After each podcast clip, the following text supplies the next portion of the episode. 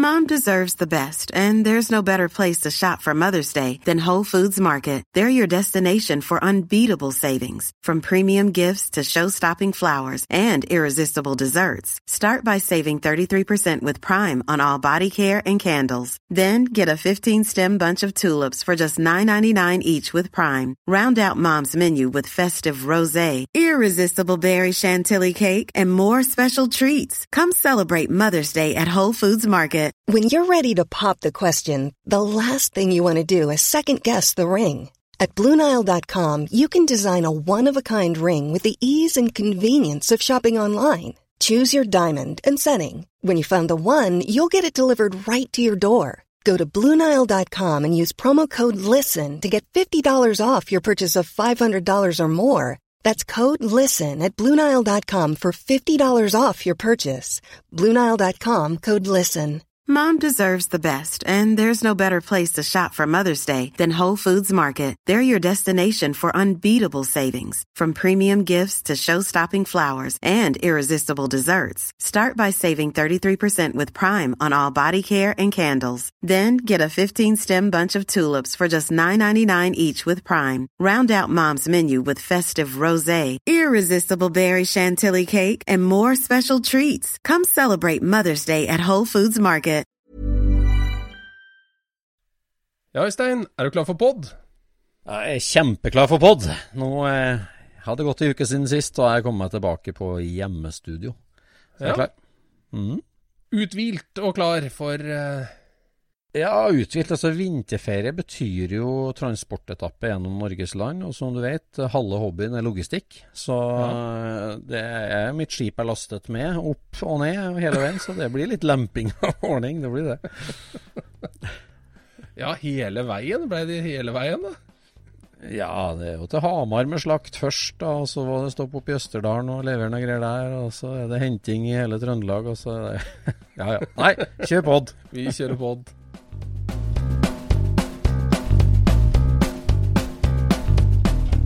Du lytter nå til Scootspodden, en norsk podkast om klassisk bil med Jon Roar og Øystein.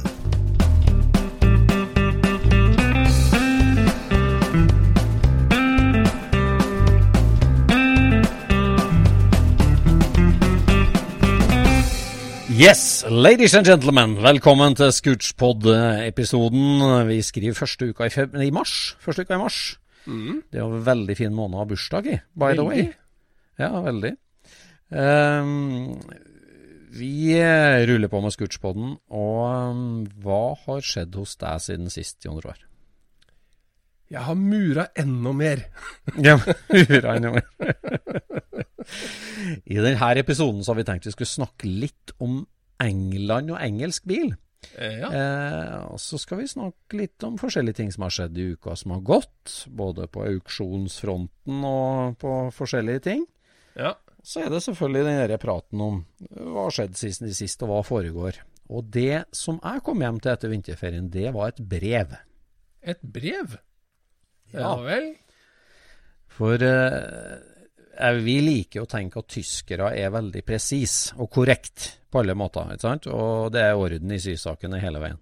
Ja. Eh, og nå har jeg vært med på en runde som har leda fram til et brev som eh, gjør at vi må tenke litt nytt på Nei, det, men det, det var overraskende til å være Tyskland. Ok. Nei, Sånn som mange lyttere vet, så er det jo sånn at uh, hos Folkevogn så kan du sende inn uh, via nettsida deres uh, og få en fødselsattest på bilen din. Ja. Eh, Det er jo mange bilfabrikker som har sånn. De som har nå er klart det, det finnes jo altså store, store deler av Audi og, og si, Auto Union. Det ble jo ødelagt eh, under andre verdenskrig. Så førkrigstinga er jo tapt og bort. Men hos Folkevogn så finnes jo eh, det ganske gode arkiv. Og det, jeg har jo gjort det her til Mercedes òg. Mercedes Classic har jo også samme tjenesten. Men de starter jo alltid med at uh, du må bevise at du eier bilen. Du må sende dem en politistempla kopi av vognkort i ditt navn. Sånn er det hos Mercedes. Mm. Og Og Porsche innfører jo òg mer og mer krav, og du får jo vite mindre og mindre, egentlig. For det er klart, der har vi snakka om før i poden òg, at eh, det å få opplyst karosserinummer, chassisnummer, motornummer, alt sammen, gjør at du lett kan fake en matcha bil, kan du si. da. Så um, Porsche har jo slutta helt å gi ut motornummer, og det har jo Folkevogn gjort. Eh, og da er det sånn at du kan gå på nettsida til Folkevogn og fylle ut informasjonen deg sjøl og chassisnummeret på bilen din. Og så får du en fødselsattest i posten. Før tok det to uker, nå tar det to måneder. Ja. Og før kosta det 10 euro, nå koster det 100 euro. Eh, så eh, Og så er det sånn at vi har jo snakka før om de første folkevognene som kom til Norge. Det skal vi jo ha en egen pod om på sikt. Ja. For da var det tre toglaster med 200 biler som kom i juni, august og september. Ja. Og ble levert til kjøpehungrige nordmenn med kjøpetillatelse. Så det var stort sett leger og dyrleger og sånt som, som fikk dem. Mm. Møller var jo ikke Hadde jo enda ikke Eller det vil si, altså Møller var jo på den tida godkjent av Folkevogn som, som agentur, men øh, det, de hadde ikke fått eksporttillatelse på penger. Møller hadde ikke, lov, hadde ikke lov å sende så mye penger ut av landet. Eh, og Derfor ble jo det her en, eh, satt opp en, en litt sånn kompleks byttehandel, der Møller kjøpte kasein av Lillehammer meieri. Eller Lillehammer kaseinfabrikk. Kasein er et sånt uh, seigt biprodukt fra melk, som uh, på den tida var populært brukt for å produsere bakelitt Mm. datidens plastikk. Og i Danmark produserte de masse bakelittradioer, og trengte kasein til sin bakelittproduksjon. Mm. Og mm, da reiste Harald A. Møller opp til Lillehammer og kjøpte kasein, eh, og sendte det ned til Danmark. Og den danske kaseinkjøperen, bakelittprodusenten, betalte da for det med å gi penger til Skandinavisk Motorkompani AS i København. Ja. Skandinavisk Motor kjøpte da 200 nye folkevogner som ble sendt med tog til Oslo og til Norge. Mm. Og, så det betyr at de 200 bilene, alle sammen, bortsett fra noen få, var da grå, perlegrå, og de ble levert eh, i en sånn helt basic, tidlig eksportform. Altså at de var helt grå uten noe ekstra jazz på, men krumma fangere og krumma kapsler Og en pinstriping, hadde de ikke det? Nei, de hadde ikke det. Det, det? det, hadde, det hadde bare den uh, tyske standardmodellen. Din bil skal ha det. Skal ha okay. pinstriping. Men den har lakkerte fangere og lakkerte kapsler og pinstripe. Ja. Mens eh, den mm, early export, da, som den har blitt kalt i etterhånd, den har, har ikke pinstripe, og, men litt mer krum da, enn den st ja. standardmodellen.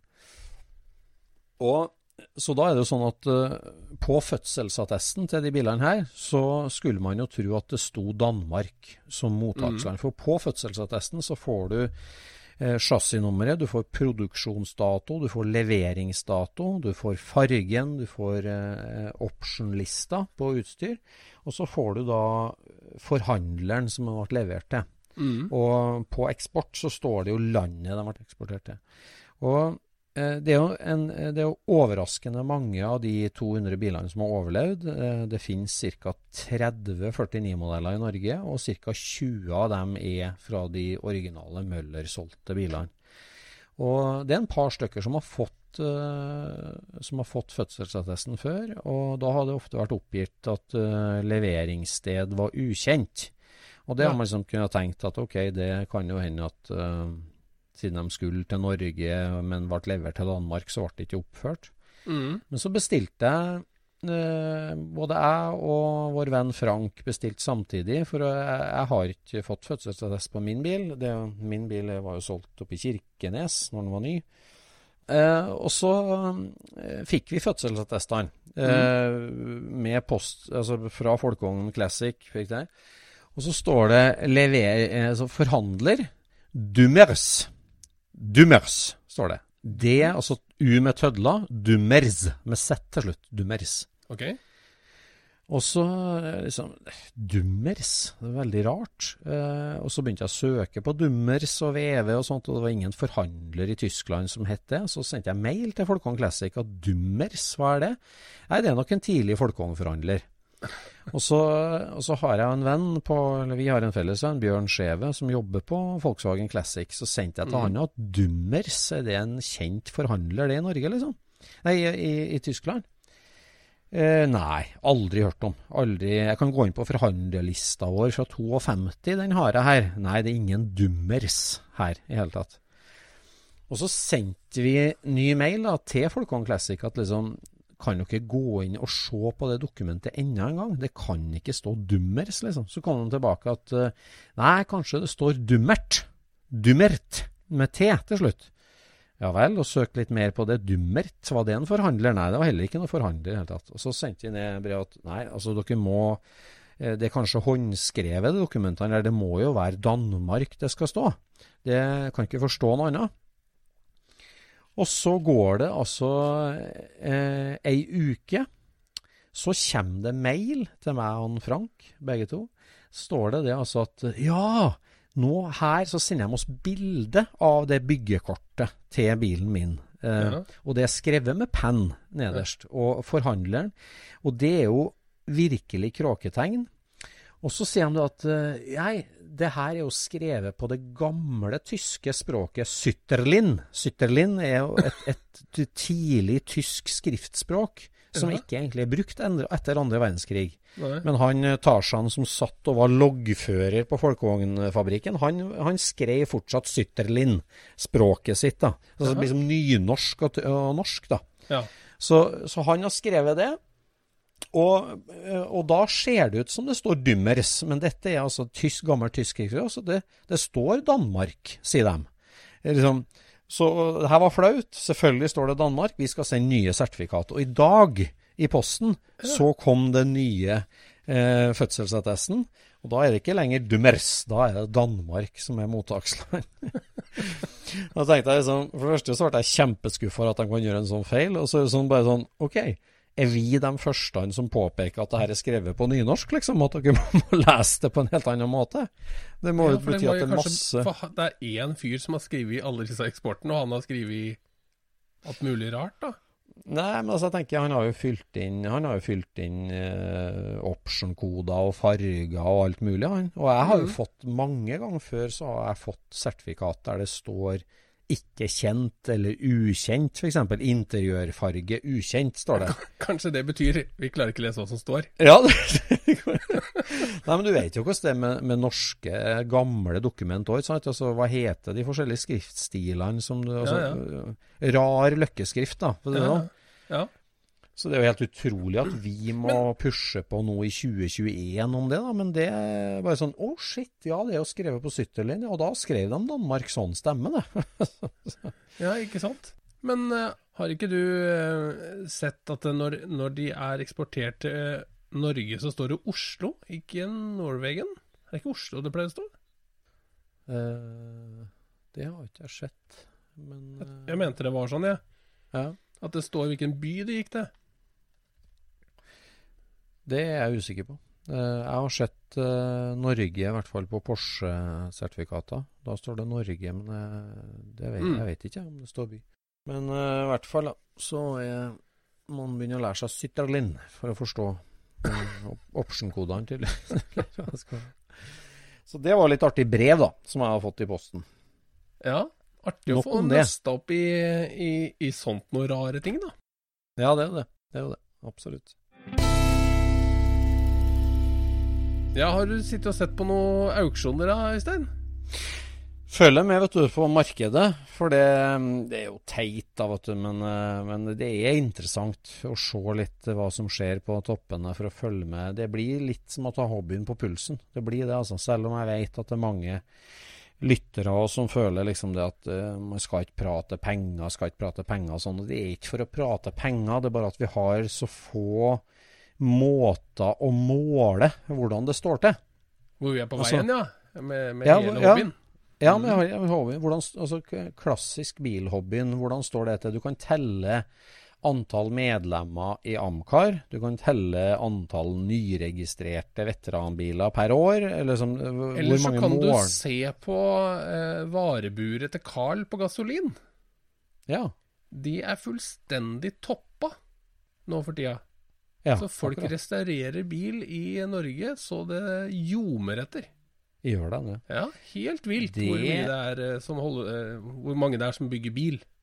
Ja, for det, når dere pakker postpakka selvfølgelig på gasolin, så, er det, så ser du mengden ja, som går Ja. ut.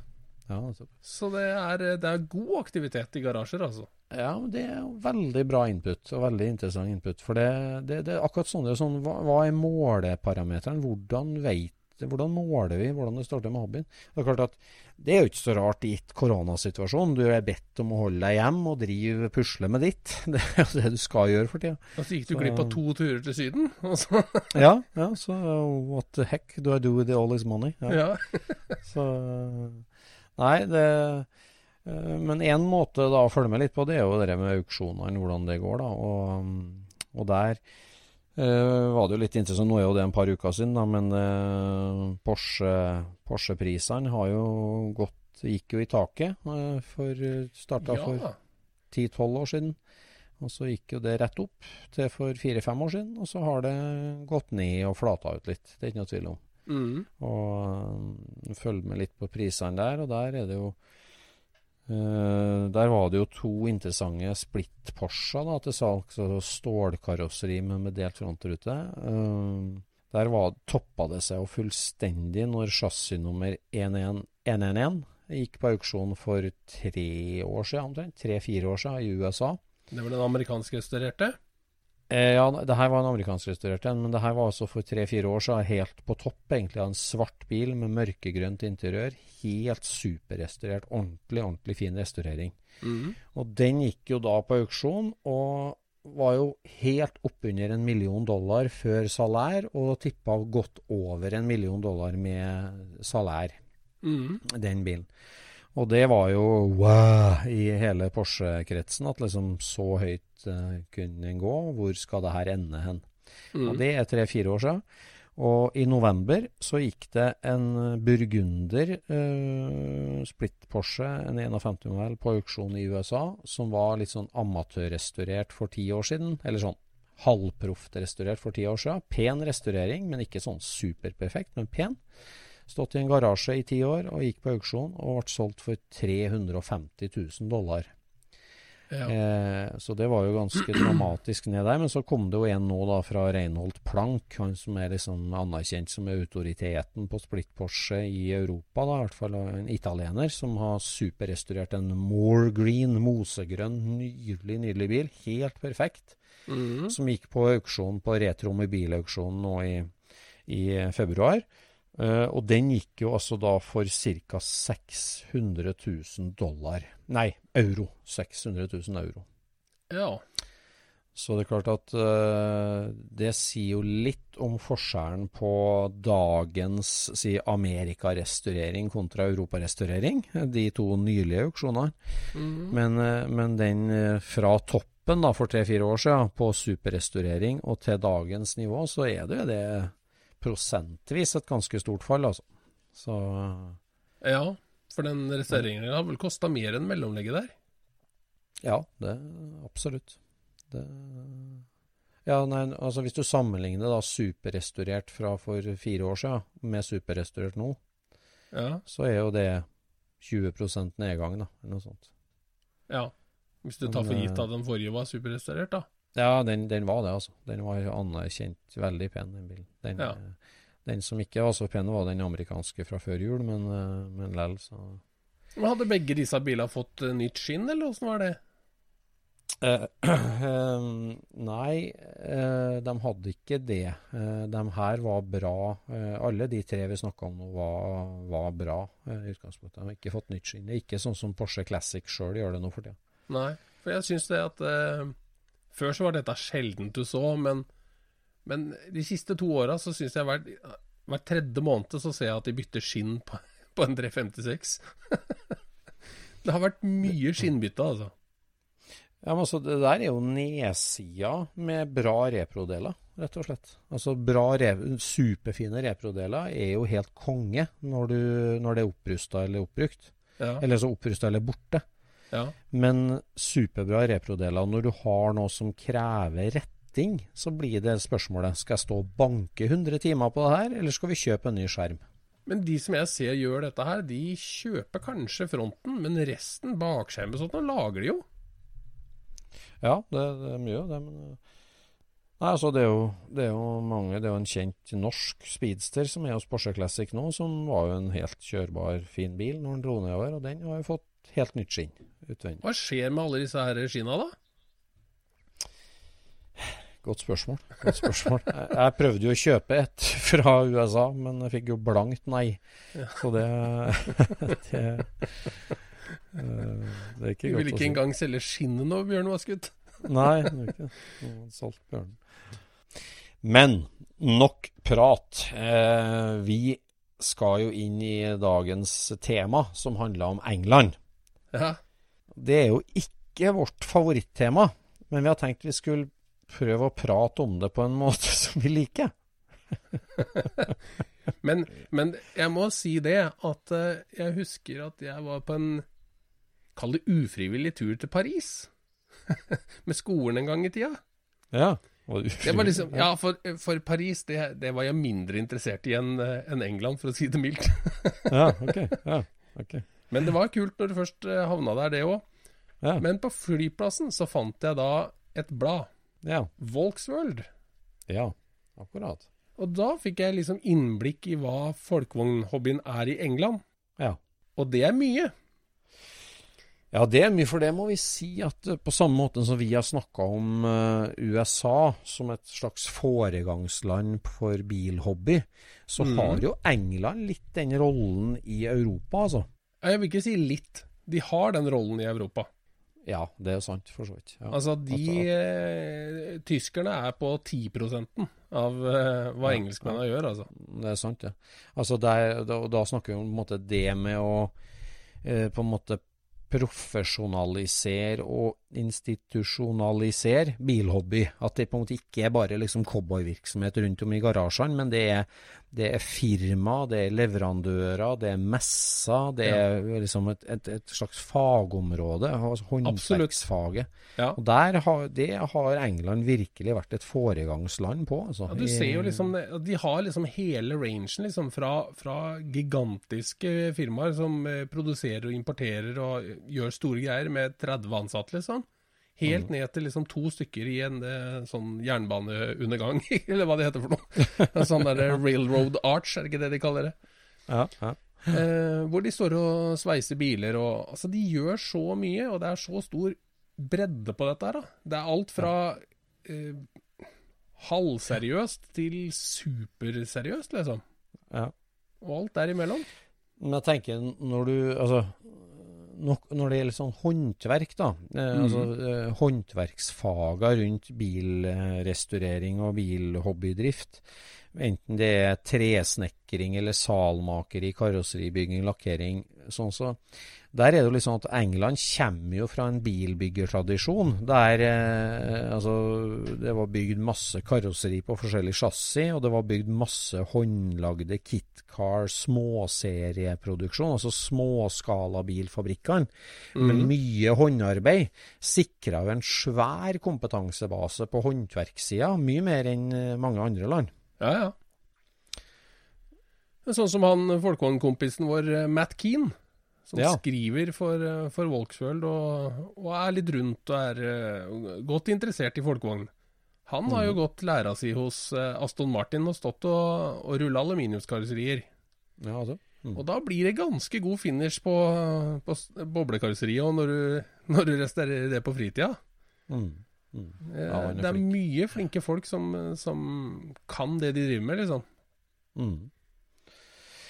Ja da, framskjermene til Romerts-kabrioleten min ble jo lagd i Northampton hos eh, Airflow Streamlines, som er en sånn prototype karosseribyggerverksted som vi jobba med på Think, og som Jeg ble så god venn med at de hjalp meg å lage skjermer. Så det, de, det tok de på strak arm. Altså, jeg dro med meg en del profilmaler over som jeg hadde lagd i USA.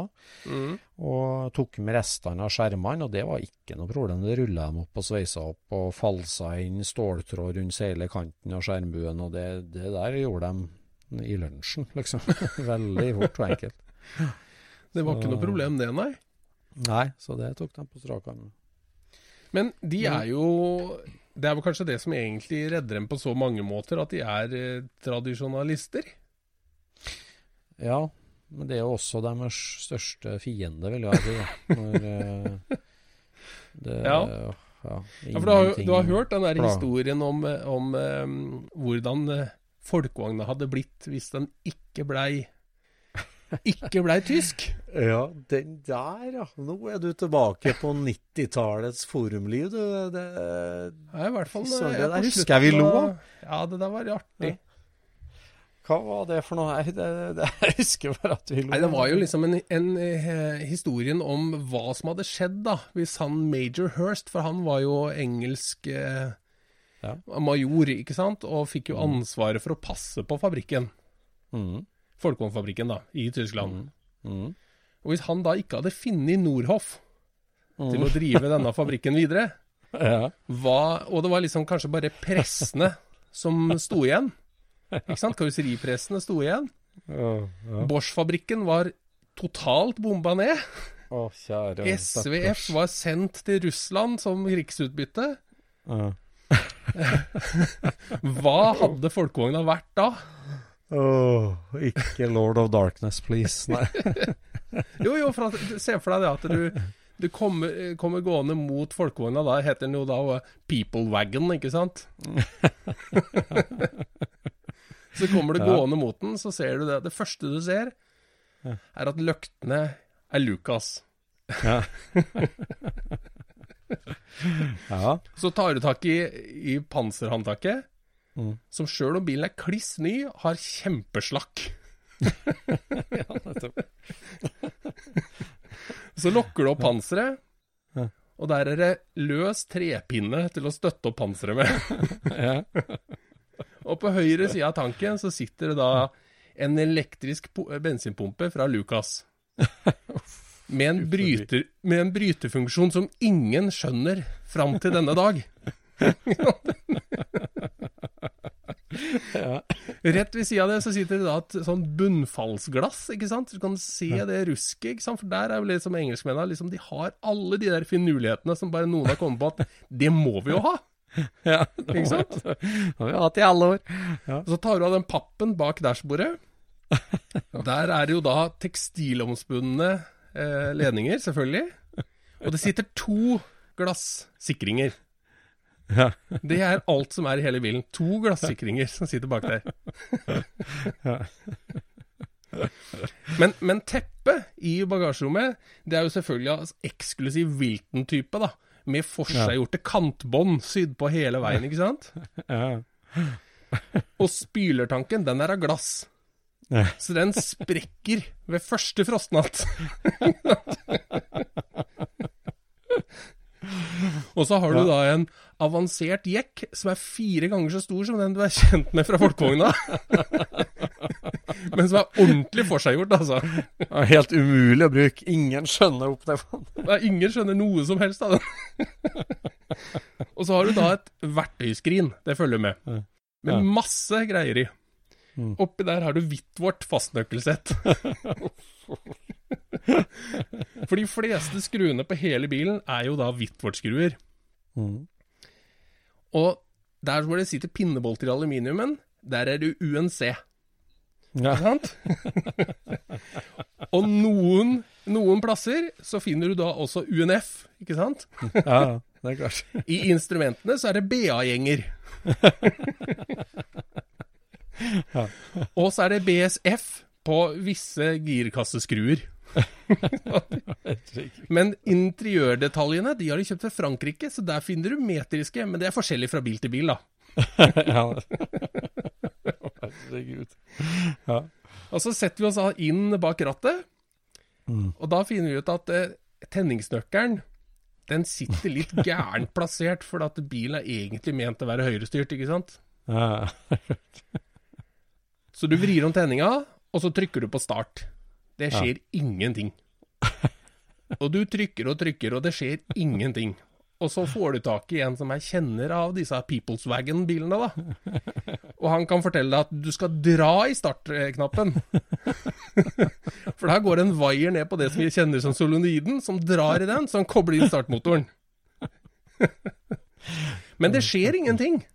Nei. Det skjer ingenting. Den starter ikke. Og da kommer jo vår nye venn og forteller oss at uh, innunder dashbordet, på venstre side av bilen, så sitter det noe som kalles for et, et cold start-grep. Og der drar du da i et håndtak. Den sitter jo litt gærent til, da, for bilen er jo egentlig ment å være høyrestyrt, da. Da drar den i gang, denne bilen, og kommer opp på 1500-2000 omdreininger.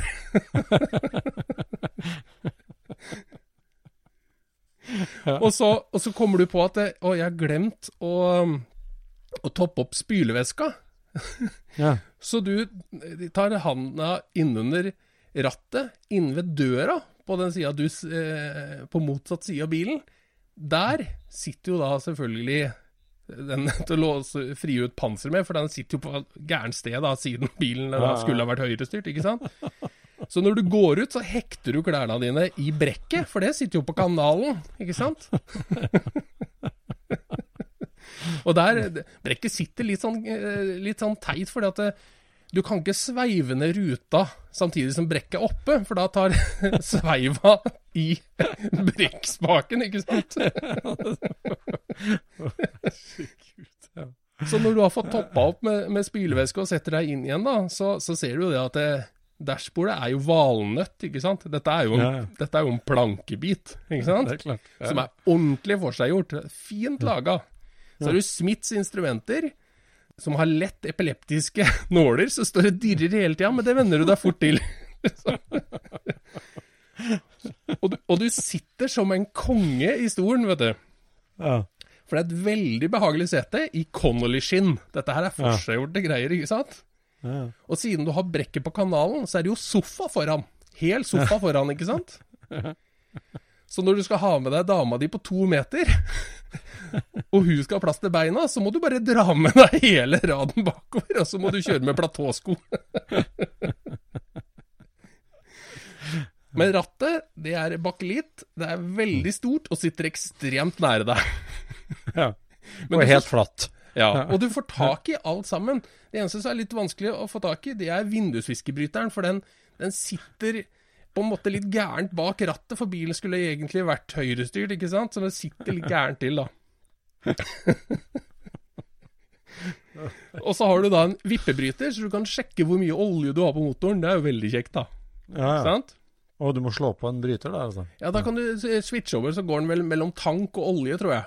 At du ser hva, hva, det, hva du har, da. Ikke sant? Akkurat. Du, og så kjører du av gårde, da. Og, Ja. og, og kjører bortover veien, og, og dette her går helt greit, liksom. Veldig så- mye girlyd. Ja, Rettskåla nok drev og uling. Veldig uling, helt Og så bestemmer bestemmer du deg for å stoppe for å se på motoren, for den har vi jo ikke sett på ennå, ikke sant? Nei. Og så stopper du, så går du, ut, eh, går du bak, lokker opp luka, egen pinne for å sette opp. og den vipper du borti hele tida når du prøver å gjøre noe i motorrommet, så du får luka i huet, men det venner du deg til. På høyre sida så sitter det da et, eh, et Lucas laderelé. Og det er jo Lucas Dynamo også, ikke sant? Ja, Gud forby. Ja. Og så er du Og det ser helt lik ut som det vi er vant til for vanlig folkevogn, det er bare at du har SU-forgassere, ikke sant? Og et sinnrikt eh, gassdag, da, med masse forskjellig leamikk. Og så får du høre av vår eh, Peoples Wagon-venn da, at, eh, at det var noen franskmenn som laga en Solix-oppsetning her, sånn, men det slo aldri an, så den, den ser du aldri. Og i motorrommet så har du en startknapp. Og den er veldig kjekt når du skal feilsøke, for det skal du på et eller annet tidspunkt. Det er lagt til rette for feilsøking, rett og slett. Absolutt. Og det en av de mest irriterende tinga med motoren, er at du har mekanisk eh, temperaturmåler på topplokka. Ja. Og det er jo en messingsak som korroderer fast i aluminiumssettingen. Så det er noe så jæklig, så du er nødt til å skjære av det eterrøret som går hele veien til instrumentet, ikke sant? Men i manualen så står det en liste over ti verksteder som kan eh, lodde sammen dette her igjen og fylle på. Ny eter. Og de tinga som vi ser på som veldig enkelt, sånn som å ta av ventildeksla for å justere ventilen og sånt noe, det går ikke. Du får ikke av ventildeksla uten å kappe det røret. Så du tar bare og justerer ventilene hver gang du er nødt til å gjøre en større jobb. Ja, høres kjent ut det der. Ja, det er jo litt sånn litt forskjellig, da. Og så er det med startsveiv, ikke sant. Den har vært med på alle modellene. Ja, ja. Og du har positiv jord. Og så har du da De har beholdt 70 mm boring fra KDF-en. Ja, akkurat. Men det er 92 slag. akkurat det. Og det er for at de har en sånn skatteklassesystem fra 1910 som bare går på boringa, ikke sant? Det går bare på diameteren. Så når du har da Når du har 70 mm boring, da har du en åttehester. Det er en 8 HP car, ikke sant? Men så finnes det en snikutgave da, som er sekshesteren. Den har bare 55 mm boring. Men så finnes det også et råskinn som har 75 mm boring. Det er en tihester. så dette her har jo veldig bra bånddrag, vet du. Men, men når turtallet går opp, sånn som det gjør med moderne trafikk, ikke sant, så sliter du fullstendig ut eh, stempler og, og, og sylindere.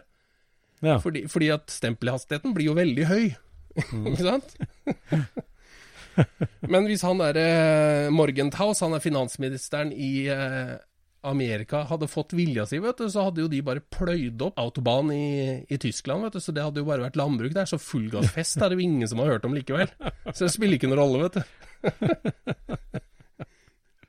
Men det som, er, det som er veldig bra med en engelsk utgave av Folkevogna, det er jo at du har en ekstremt bra krum.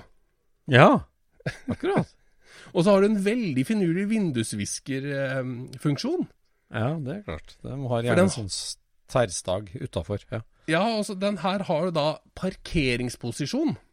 Og det er laga med en sånn liten lenkearm inni, inni vindusviskermekanismen som har en eksenter. Så når den skal parkere, så klarer den å flytte viskeren til en posisjon som er utafor ruta, hvor den hviler på to krumma små fester, da. To krumma eh, bøyler, liksom. Ja. Men problemet var at du har nødt til å smøre de vaierne egentlig for ofte. Det er ikke noe gøy å smøre så ofte som dette her skal gjøres, da. Og intervallet, det er gjort med vakuum. Det er en sånn bitte liten vakuumtank, da. Som sitter inni dette her sånn. Og dette her reguleres med en sånn liten pyseventil på en sånn eh, nål som du stiller på rattstammen. Det sitter litt gærent til, da, siden han skulle egentlig vært høyrestyrt. her, sånn. Men der kan du stille det. Så når, når den tanken er tom, kan du si, så er det en sånn elektrisk kobling i enden av stempelet som tar i. Og da er det en annen liten eh, eh, veiv med en råde som bygger opp eh, dette her, fyller det kammeret igjen, da. Eller tømmer det, jeg er ikke helt sikker. sånn at syklusen starter på nytt igjen, da. Så Ja, dette her, dette er avanserte greier, altså. Herregud, for et mareritt. Ja. Men, men den der lille bryteren som sitter på enden av det stempelet, vet du, eh, den det, Siden det er positiv jord, vet du, så er det jo liksom lagringa av den der veievakseren her, sånn, som er Den er jo kritisk. At den Ja. her ikke slites ut. Men det Ja, skjer. Det skjer. Så for det er der den får jord, selvfølgelig, gjennom det lageret. Ja. Så, så det som skjer, er jo at det, der ryker den der sånn. Men, men siden du har 30 ampere sikring, så holder det ikke med én feil før at, eh, før at dette her Før du merker noe, da. Nei. Så det som eh, Forrige eieren på denne bilen her sånn, har jo ikke lagt merke til at, at eh, ledningen til skiltlyset bak har jo gnikka gjennom og kortslutta mot eh, karosseriet. Sånn at eh, når vindusviskerinstallasjonen går i stykker, og du har den feilen bak der, da merker du det ved at, at tenningslåsen din er rødglødende når du har kommet fram. Som for øvrig sitter litt gæren siden han er høyrestyrt, egentlig. Da. oh, ja. Så vi har gått glipp av mye, Øystein. ja, vi har jo det. Å, kjære venne, takk. Kjære Heinz Nordhoff, som droppa Opel lastebiler og gikk til folkevogn. Nei, denne, her, denne her historien her sånn er jo liksom eh, skrevet av en som heter Thomas Jonsson i, i Sverige. Han skrev det på gamle SCLF-forumet. Og han eh, skrev jo det at uh, den beste måten å vedlikeholde sitt folkevogninteresse på, det er å også ha en, en uh, arbeidsintensiv, krevende engelsk veteranbil som man skal holde på veien samtidig. For da føles det så mye bedre å sette seg inn i den tyske når at det er litt for mye motgang. Så du setter mer pris på bobla di ved å ha noe engelsk i tillegg? Ja, ja, ja, men han, han likte begge deler, altså. Han, han Ja, elska begge deler, men, men det, han måtte ha den balansen yin-yang der. Ja, han har jo åpenbart skrudd mye av engelsk bil. Og han sa det. Alt det som han har skrevet at folkevogna kunne hatt, er ting han har opplevd på egne biler av engelskmerke. Sa han det? Stakkars Det er ikke noe han har funnet på. oh. Nei, jeg Ja. husker det med gru. Med, ja, jeg har snakka om det før. Gassoverføringa på Mini-Morrisen som jeg vokste opp med. Og det var det jo helt hinsides at det går an å gjøre ting så komplisert som, eh, ja, som vi har hørt. det er krise. Åh, herregud. Ja, men så Folk Ja, har- liker jo forskjellige ting. Sånn som kompisen vår Lynet, vet du. Han, eh, Mm. han driver og vedlikeholder en sånn Daimler. En sånn ja. 80-talls-Daimler, tror jeg det er. Ja. Er for seg sjøl, eller? Med en tolver i. Nei, det er faren hans som har den der. Ja, ja, ja. Og Lyne er jo ingeniør. Han Ja. syns jo det er gøy med altså, tekniske utfordringer. ja. Og han sier jo at det, det fins nesten ikke et mekanisk prinsipp som ikke er i bruk på den motoren for å kontrollere det. Det er kapillærkrefter som drar seg bensin. Ja, sin. ja, så- altså det er alt. Det er alt er hydraulikk, naumatikk er elektronisk, mekanisk. Alt er der. ja, alt det. Så han koser seg glugg i hjel hver gang han skal skru på. Han må lage masse nye spesialverktøy hele tida. Ja, det var sin smak. Ja, det er Har du, har, har, har du noe engelsk bil, eller har du hatt noe engelsk bil? Nei, jeg har vel ikke hatt det. Men Nei. det nærmeste er vel at jeg har en case, og den er jo amerikansk. Ja. En traktor, ja. ja. Ja. Ja, jeg har jo en engelsk bil som eh, da ble kjørt hjem eh, fra fødestua med. En eh, Morris Mini Clubman. Eh, en gul, liten eh, langsnute-mini som eh, foreldrene mine hadde som bruksbil da i 73, når jeg ble kjørt hjem fra St. Olavs fødestue. Nei, Dals stiftelse, for svarte. Men langsnute-mini? Hva er det for noe? Ja, er det Mini-Morris? Ja, så når du tenker Mini Morris og liksom Mr. Bean, da, så er Ja. det en uh, 1000 kubikker eh, vanlig Mini. Ja. Men så lagde de jo da en bil som heter Mini Clubman, som er langsnute. Altså den har akkurat samme karosseriet som Minien, eller den klassiske, men så har den litt lengre front. Litt uh, høyere grill, litt lengre front. For å få plass til 1200-motor. Ja, Og ja, litt sånn luksusversjon av den. Mini Clubman heter den. Den ja, for jeg, jeg trodde at det du egentlig snakka om eh, Det er Countryman, det selvfølgelig. Stasjonsvogna var det jeg tenkte ja, på. Ja, det er stasjonsvogna. Nei, nei, Ja, det her er det, det nå skjønner jeg. Ja, ja, ja, det Ja. er den andre fronten, ja. Ja. andre fronten. Han har litt annet dashbord, litt mer sånn luksuriøs, liksom. Mm. Sånn skal være. Så en gul sånn en uh, ble jeg født i, skal vi si. Og den fikk jeg forært i kanskje det var 40-årsgave eller noe sånt av foreldrene mine. Så den har jeg stående i samlinga. ja.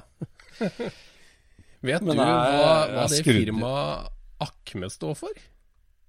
Ja, det der leste jeg, den storyen der. A company that makes everything. Ja, Company Making Everything, ja. Og det er jo, det er jo mye bruk av han eh, Bippe Stankelbein, er det ikke det vi kaller han? Jo, jo, jo. Mm. Nei, det er ikke han Jo, han bruker den. Nei, det er Per Ulv som bruker den for å ta Bippe Stankelbein. Sånn er det. Ja, sånn er det. Mm. Han maler jo da tunnelåpning på, på fjellet, ikke sant? Ja, ja. Og den andre springer rett gjennom. Ja. Dette her kom jo opp eh, når han svenske illustratøren Lørs ja. han, eh, han hadde det med i en tegning hvor det sto Akme, vet du. Ja, Han har jo humor, ikke sant. Så ja, han hadde jo brukt Akme i, i, i den tegningen, og så spurte jeg da hva, hva står Akme for. Jeg visste jo hva det var, men jeg skulle bare se om det var noen som liksom var med på ballen der, da. Ja. Eh, og Lørs visste jo dette her, selvfølgelig.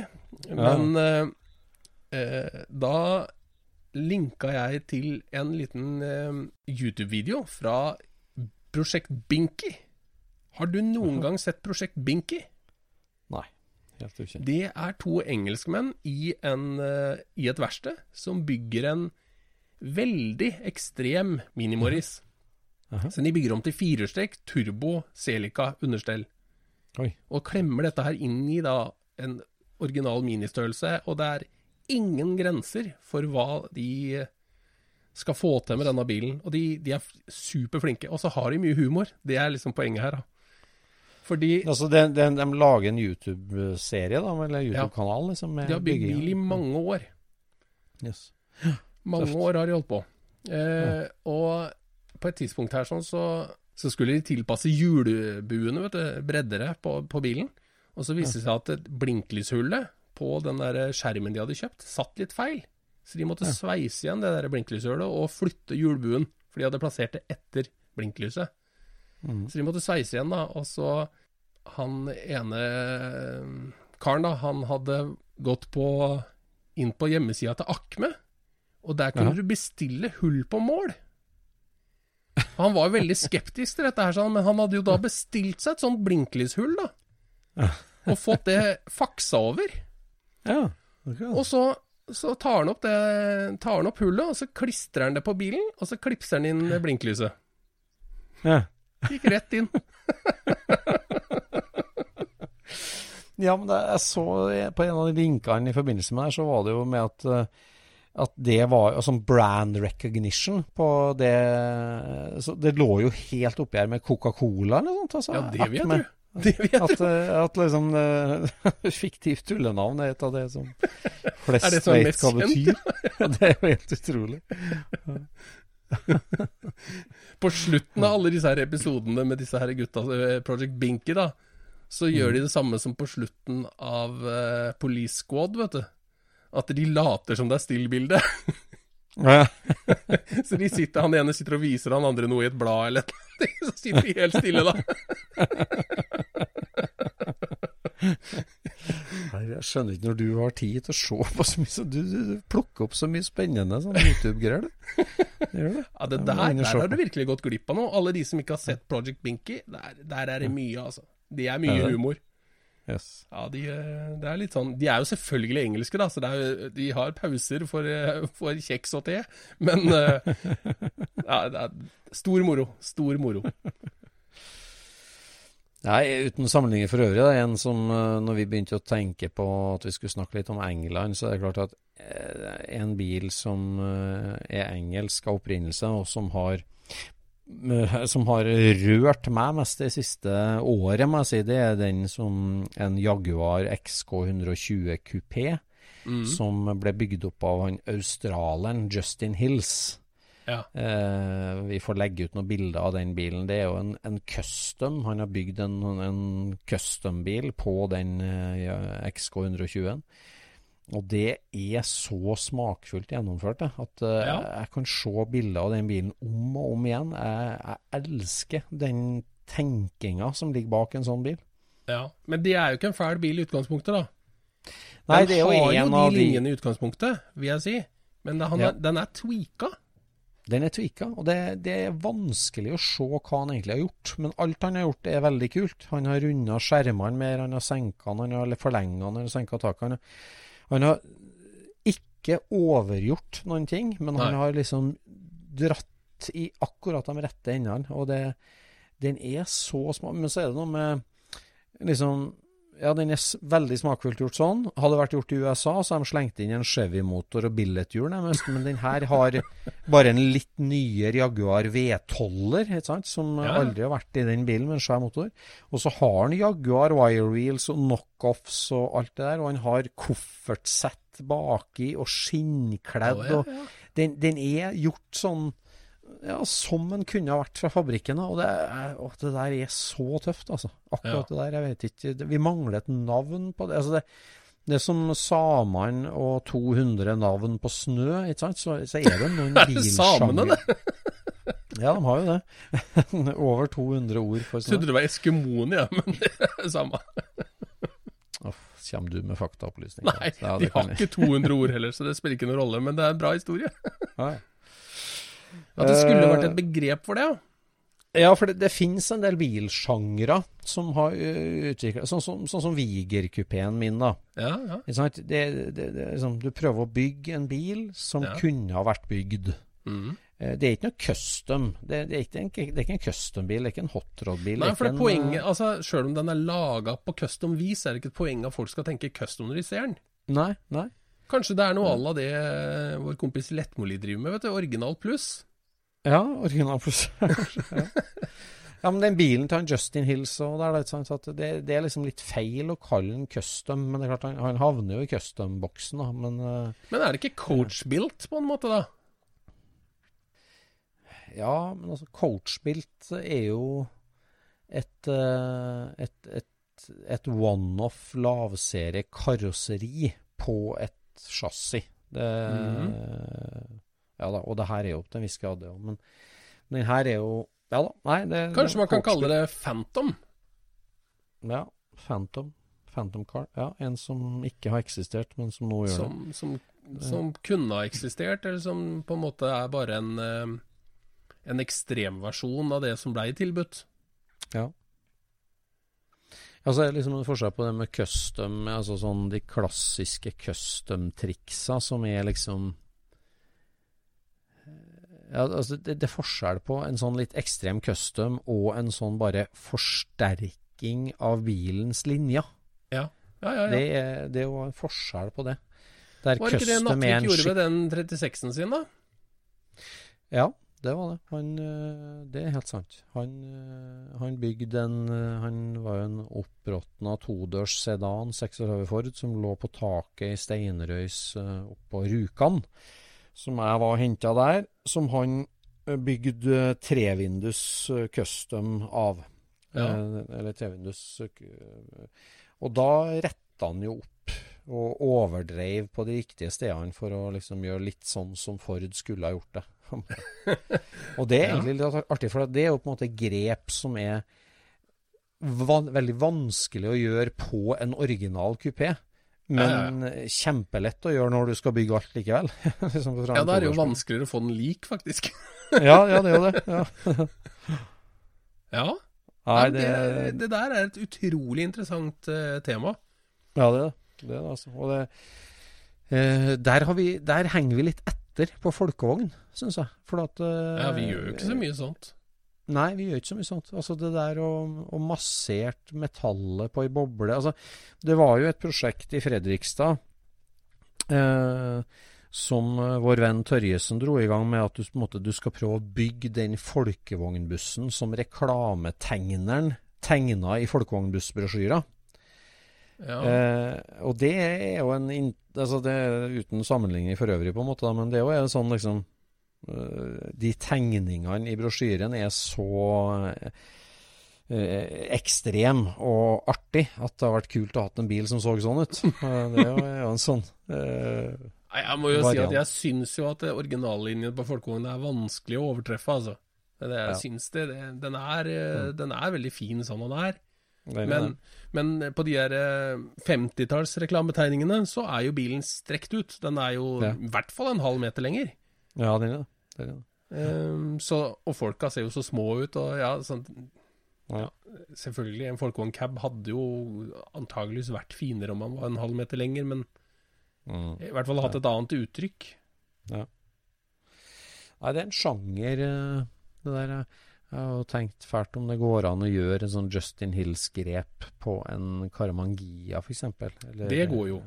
Ja, Det går det jo. burde jo gått. Og, Jeg husker jeg tegna en, jeg tegna en, eh, en tegning, eller det var egentlig en Photoshop, av en Karamangia som jeg laga Jeg laga rett og slett en AC Gia. oi. Hvor at jeg flytta kupeen bakover på Karamangiaen. Mm.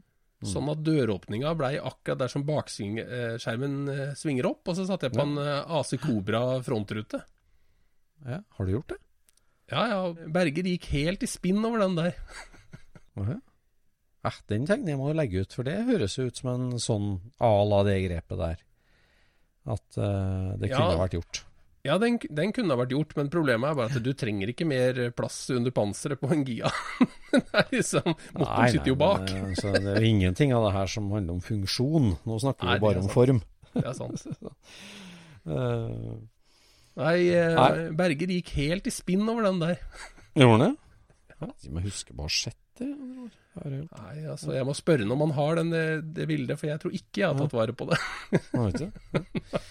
Nei, det finnes jo en sånn uh, Hebmüller med Porsche Speedster frontrute òg. Det er vel den franske tegneren, ikke det? Han, uh, vår favoritt. Meslier. Mesle, ja. Mm. Han har en litt sånn custom Hebmüller med Speedster frontrute på. Det, Ja. og Den er òg drittøff. Det, Ja. ja, det, Han, det er en flink tegner, altså. Custom. Ja, han er flink. Altså. Han må vi ha en egen sak om, tror jeg. Ja, Det må vi. Veldig kreative folk. Men, Nei, jeg har eh, vært i England sammen med min far. Jeg har kjøpt splitter ny bil en gang. Har du det? Jeg har det. Eh, har vi snakka om Sinclair før i poden? Nei. Nei. Tenker du på Brett Sinclair? Uh, nei, jeg tenker på Snobbar Clive. som jobber? Nei. Nei.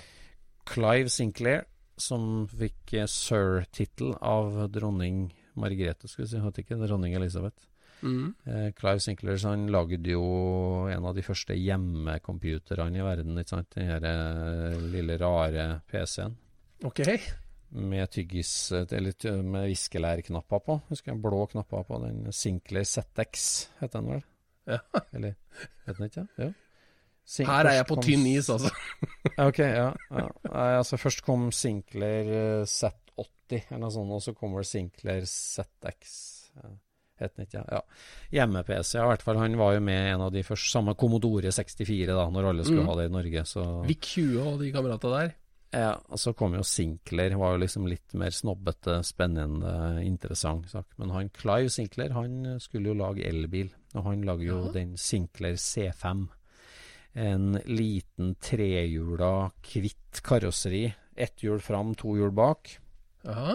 Eh, at du sitter nedi, så den liksom litt strømlinjeforma. Det er jo en slags sånn Ser ut som en slags invalidebil, kanskje, hvis du skal være slem men. Men han, han lagde en, en enseter. Du sitter der og har eh, beina på et pedalsett for å hjelpe deg oppover bakkene. Sykkelpedalsett. Sykkelpedalsett. eh, og så er det et lite bagasjerom på den, og så har du et styre under knærne. Du sitter liksom tilbakeoverlent med styret under knærne. Sinclair C5 heter den bilen. Og det var jo Altså, nå er vi tilbake i 1984-85, antagelig. da. Det må vi google når Sinclair C5-en kom. Ja. Det var jo en sånn helt nytt bilkonsept, det da, egentlig, med å lage en sånn Det var jo en sånn commuter car det skulle være, da. En, eh, en liten slags ja, en elbil, da. En enseter moped-scooter-elbilsak som du skal kjøre til jobben med. Ja. Og faren min han elska jo all ny teknologi, så han fulgte jo med han sir Clive Sinclair da, en del. Og når han lanserte C5, så ble det London-ferie på oss. Ok. Eh, da stabla vi hele familien på fem og kjørte eh, bil til Larvik kanskje eller noe sånt, og tok ferge over til Newcastle eller et eller annet. Eh, Stavanger, tenker jeg. Stavanger, sikkert, ja. Mm. Vi kjørte jo vår rød Granada stasjonsvogn fra 77. Eh, og så kjørte vi over dit på familieferie, og kjørte rundt i London-området og sånn. Og så kjørte vi opp da, jeg husker ikke hvor den lå, da, men Sinclair C5-fabrikken. Da hadde faren min fått eh, audiens der. Mm. Og så fikk vi omvisning på hele fabrikken. Og så kjøpte vi en uh, Sinclair C5.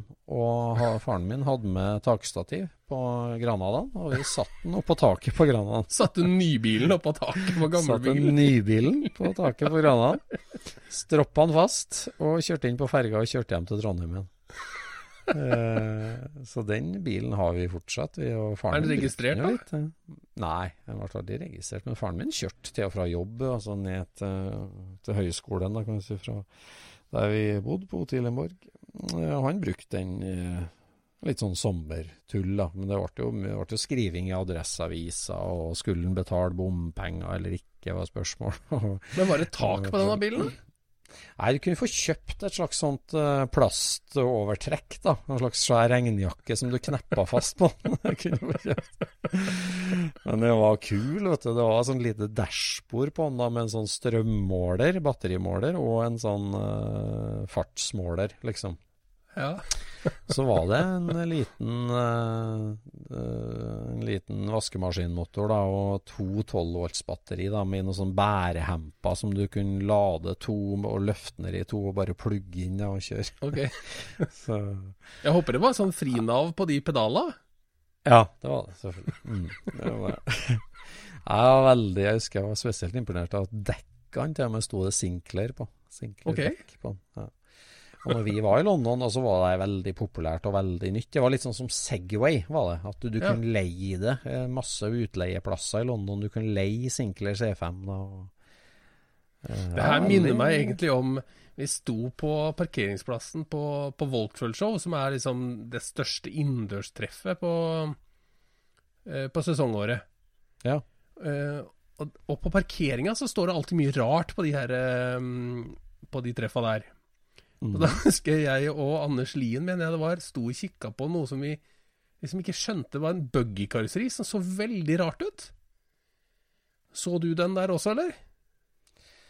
Nei, det husker ikke jeg. Etter, etter å ha kikka litt på den her i begge ender, for den var liksom sånn delt opp så eh, snodig, så du satt i et bøttestol på hver side, og så var det jo selvfølgelig da ratt på høyresida på den der. her da. Ja. Etter vi hadde kikka en stund, så fant vi ut hva det var. Hæ? Det var en pedalbåt i brun flake på bobleunderstell. Pedalbåt, ja. Uff, Manx vrir seg i graven. Ja. Eller Myers, ja. Ja, ja, ja. Nei, det må vi jo engelskmenn er jo kre kreative på, på mange forskjellige måter. Ja, de er det, altså. Absolutt. Og vi har mye å takke England for, ikke minst på motorsport og Formel 1 og Goodwood og gud Ja. bedre, selv om vi ikke Det er jo liksom så grassroots, det greiene der, vet du. Ja. Det, det er Altså, det, det er Hele landet bare lever og ånder for det der sånn. Mm.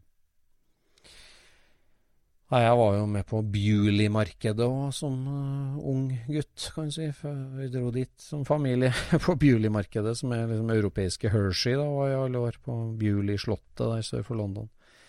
Så det er fantastisk mye arrangement vi har å takke England for, altså. Selv om vi to ikke har så mye engelske biler, og er så glad i dem, så har vi mye å takke England for på billobbyfronten. Ja, absolutt. Der har det vært eh, veldig mye inspirasjon. Og, og Mm. er det én ting engelskmenn eh, kan og håndterer mye, så er det russveising.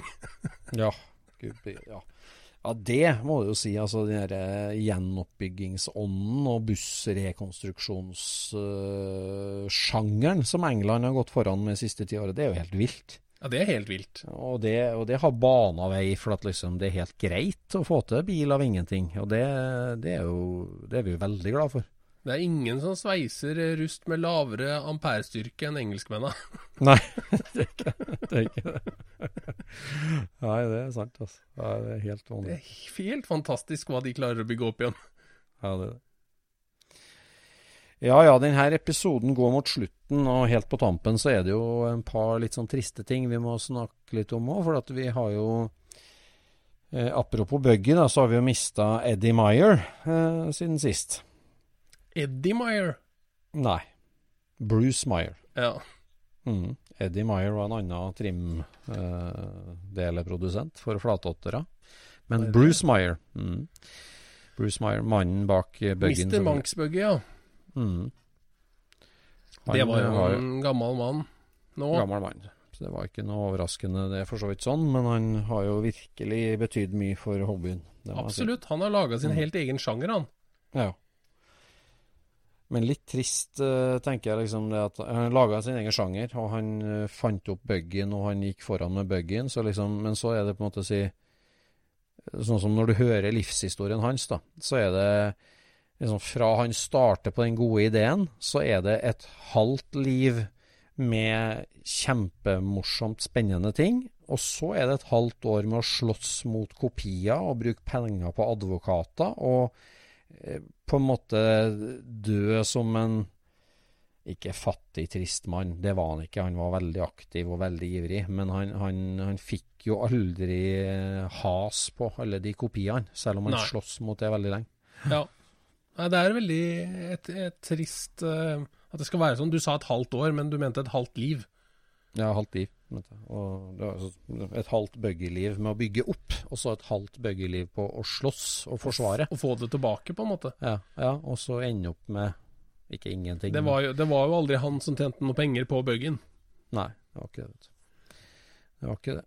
Så Nei, det er artig. Og der eh, anbefaler jeg å høre den epi episoden på Let's Talk Dubs med intervju med Gary Emery, som snakker om første Baja-bobla. Han snakker også mye om uh, Bruce Meyer og første mm. buggen, for det gikk jo litt i parallell.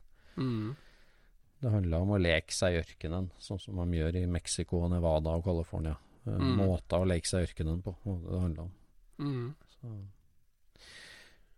Også i mer hjemlige trakter da, så er det jo veldig trist at vi må hvile fred over minnet etter vår venn Frode Rotabakk. Ja. Det har vært en, eh, en trist periode.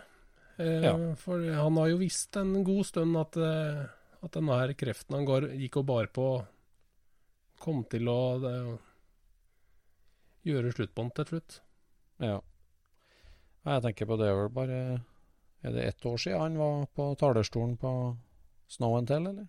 Jo, men da hadde han allerede visst det ja, det et halvt år før. Så.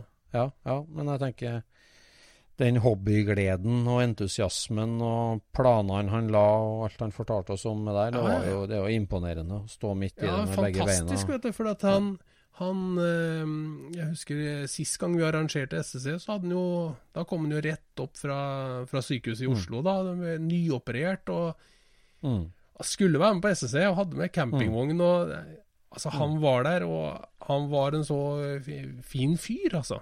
Fin fyr, han, han, var liksom så Han var lett å bli kjent med, altså. Ja, ja. Og, alle, alle timene han har bidratt på raceteam og jobbing og ordning, og, og, gitt til hobbyen. Bidratt ja. til lekegrinda, som vi snakker om.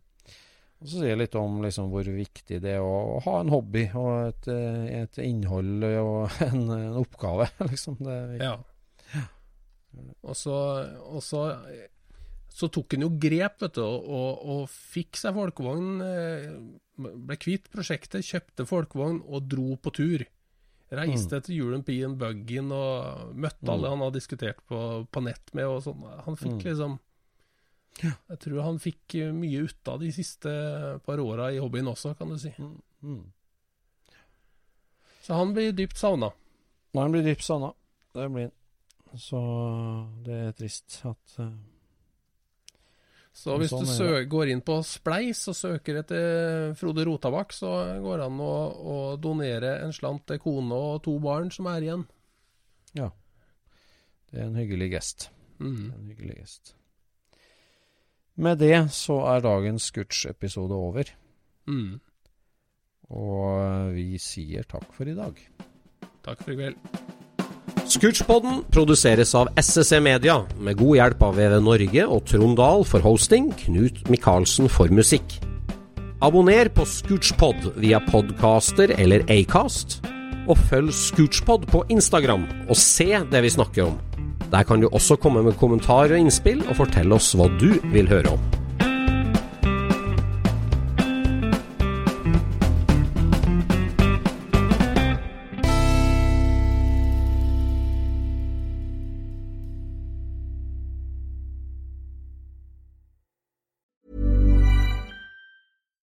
Deserves the best, and there's no better place to shop for Mother's Day than Whole Foods Market. They're your destination for unbeatable savings, from premium gifts to show-stopping flowers and irresistible desserts. Start by saving 33% with Prime on all body care and candles. Then get a 15-stem bunch of tulips for just $9.99 each with Prime. Round out Mom's menu with festive rosé, irresistible berry chantilly cake, and more special treats. Come celebrate Mother's Day at Whole Foods Market. Planning for your next trip? Elevate your travel style with Quince. Quince has all the jet setting essentials you'll want for your next getaway, like European linen, premium luggage options, buttery soft Italian leather bags, and so much more. And it's all priced at 50 to 80% less than similar brands. Plus, Quince only works with factories that use safe and ethical manufacturing practices. Pack your bags with high-quality essentials you'll be wearing for vacations to come with Quince. Go to quince.com slash trip for free shipping and 365-day returns. Hi, I'm Daniel, founder of Pretty Litter. Cats and cat owners deserve better than any old-fashioned litter. That's why I teamed up with scientists and veterinarians to create Pretty Litter. Its innovative crystal formula has superior odor control and weighs up to 80% less than clay litter. Pretty Litter even monitors health by changing colors to help detect early signs of potential illness. It's the world's smartest kitty litter. Go to prettylitter.com and use code ACAST for 20% off your first order and a free cat toy. Terms and conditions apply. See site for details.